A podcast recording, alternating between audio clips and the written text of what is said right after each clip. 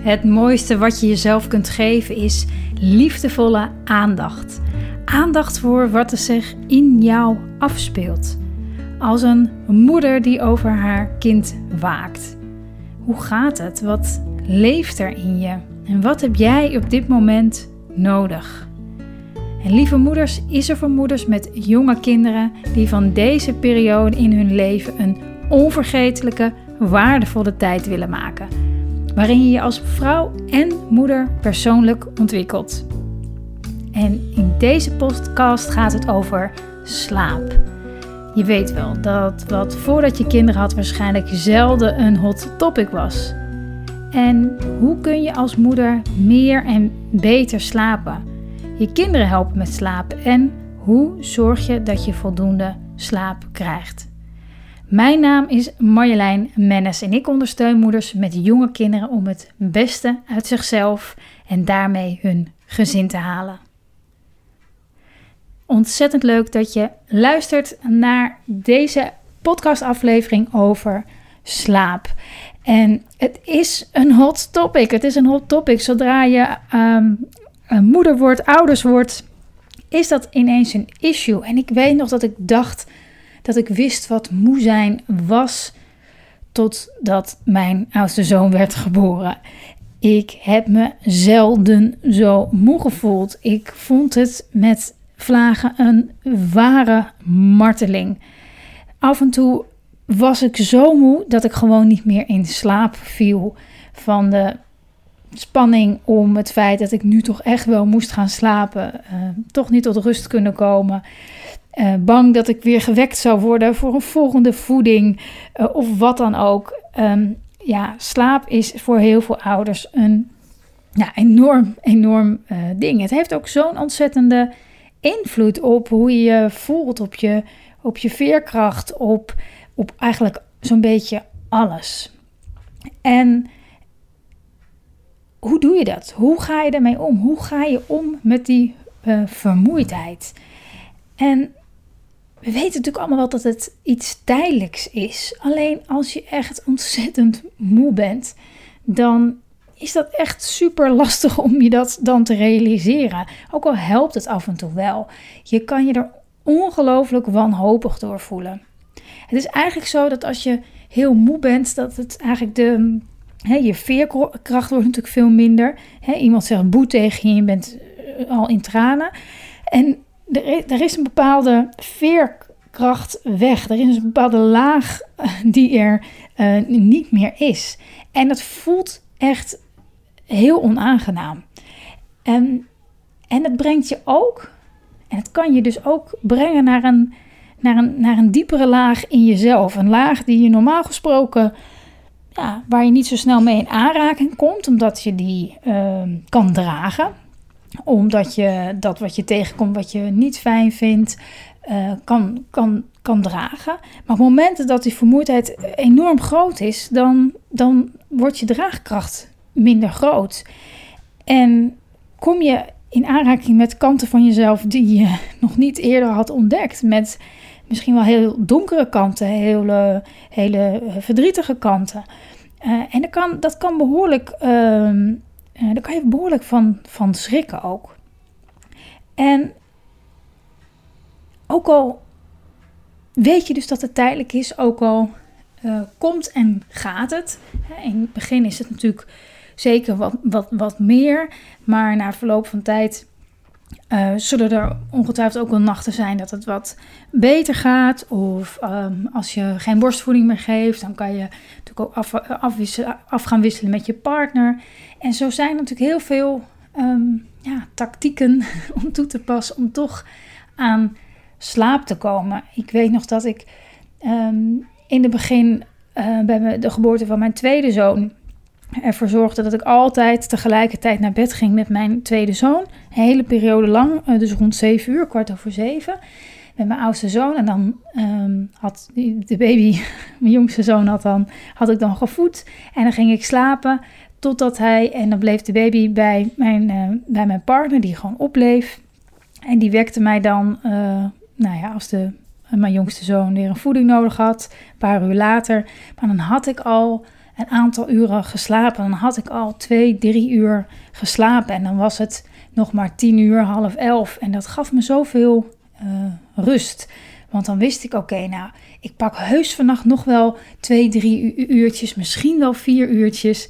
En op die manier heb ik zoveel meer ook uh, genoten van die eerste tijd met mijn, uh, met mijn jongste zoon. Omdat ik veel sneller um, keuzes daarin maakte. Uh, afspraken met mijn partner, hoe we dat gingen aanpakken. Zodat ik um, toch maximaal kon, ehm, kon slapen.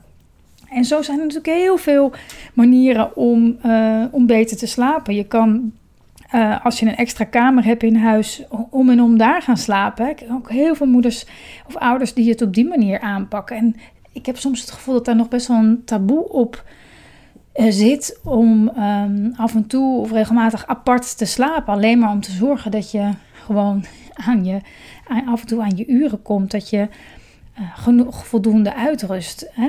Alsof je altijd maar bij elkaar moet slapen, koste wat het kost.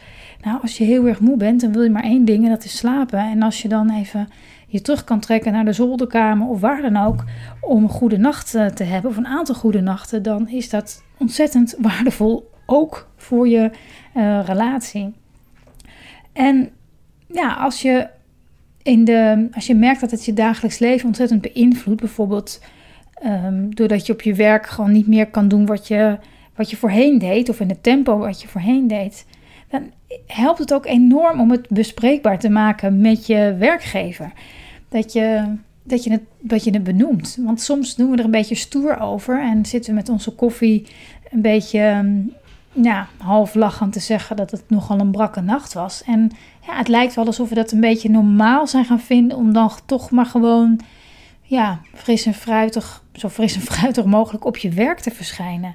Maar dat is toch eigenlijk best wel gek. Het is eigenlijk best wel gek dat als je heel veel slaap tekort komt, um, ja, je s'nachts misschien nog wel harder werkt dan overdag, dat je dan ja, met een kop koffie jezelf dan daar toch doorheen sleept. Ik, ik, ik, ik, vind dat, ik vind dat niet normaal. Ik vind dat niet normaal. Het is goed om dat te bespreken, om daar um, echt afspraken over te maken met je werkgever. Om te kijken um, of je andere werktijden kan, um, kan krijgen tijdelijk. Of je op je werk even je ogen dicht kan doen. Of op welke manier dan ook je kan zorgen dat je tijdelijk, want het is, het is niet voor jaren. Weet je, het is, het is tijdelijk. Het duurt ons natuurlijk veel te lang, maar het is tijdelijk.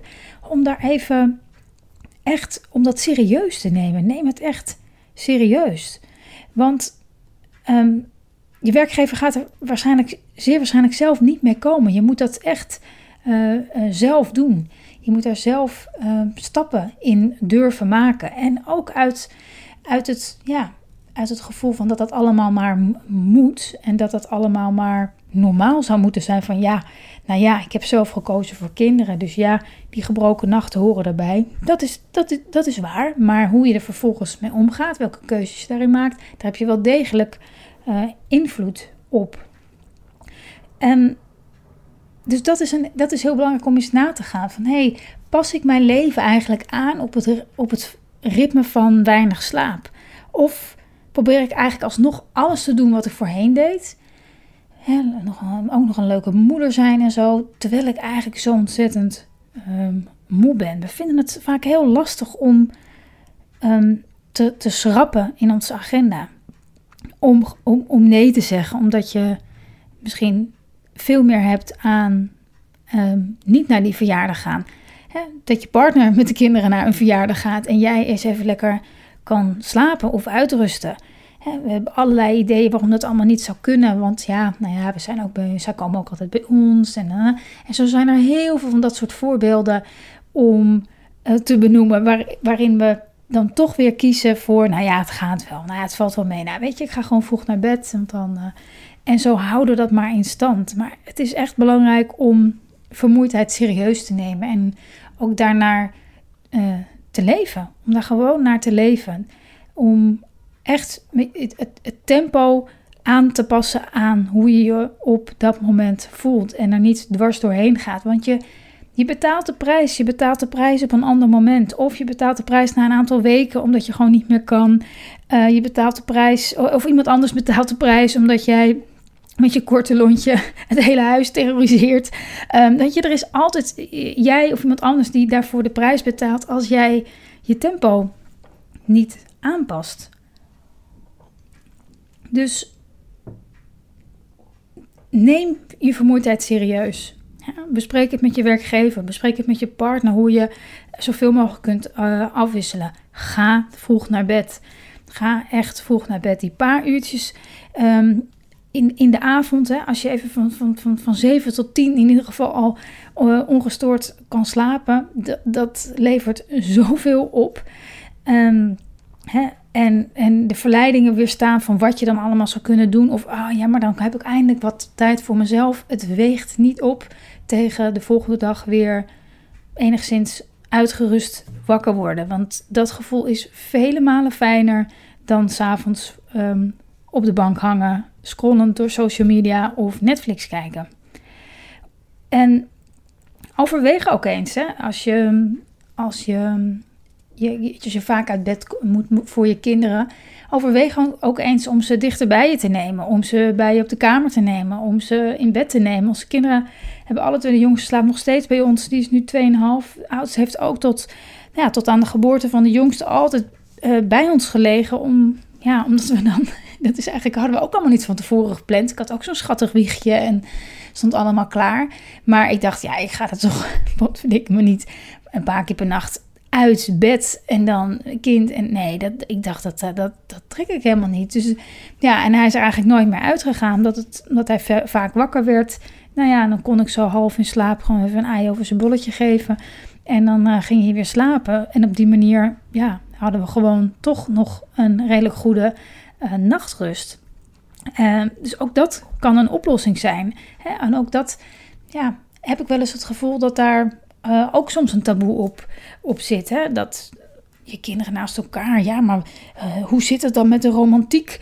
En, en, en, en, gaan ze dan ooit nog wel eens uit bed? weet je, willen ze dan de rest van hun leven ehm, bij jou in bed uh, slapen. Nou, de oudste die slaapt nu met alle plezier in zijn eigen bed inmiddels. En, en wat betreft de romantiek, ik kan je zeggen, als je alle twee heel erg moe bent, dan wordt het er ook niet gezelliger op qua romantiek. Dus als je nog wat slaap hebt, hè, dan, dan kan je er ook nog echt voor elkaar uh, zijn.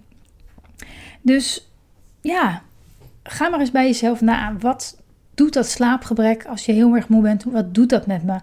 Waarin kan ik nog um, winst halen? Welke keuzes zou ik nog kunnen maken om ervoor te zorgen dat, die, um, um, dat, ik, dat, ik, dat ik mijn tempo, mijn leven tijdelijk aanpas op dat slaapgebrek? Wat, wat, welke obstakels, welke uh, belemmeringen kom ik daarin nog tegen over mezelf? Goed om bij stil te staan en dan wordt het draaglijker. Dan wordt de vermoeidheid ook draaglijker. En wie weet heeft het je nog wel een heel mooie les te leren. Nou, heb je nu nieuwe inzichten opgedaan naar aanleiding van deze podcast? Iets nieuws geleerd? Uh, wil je nog wat kwijt? Laat het me vooral weten. Je mag me altijd mailen op marjolein.lievemoeders.nl of laat een reactie of recensie achter bij deze podcast. Dat waardeer ik enorm. Heb nog een fijne dag vandaag.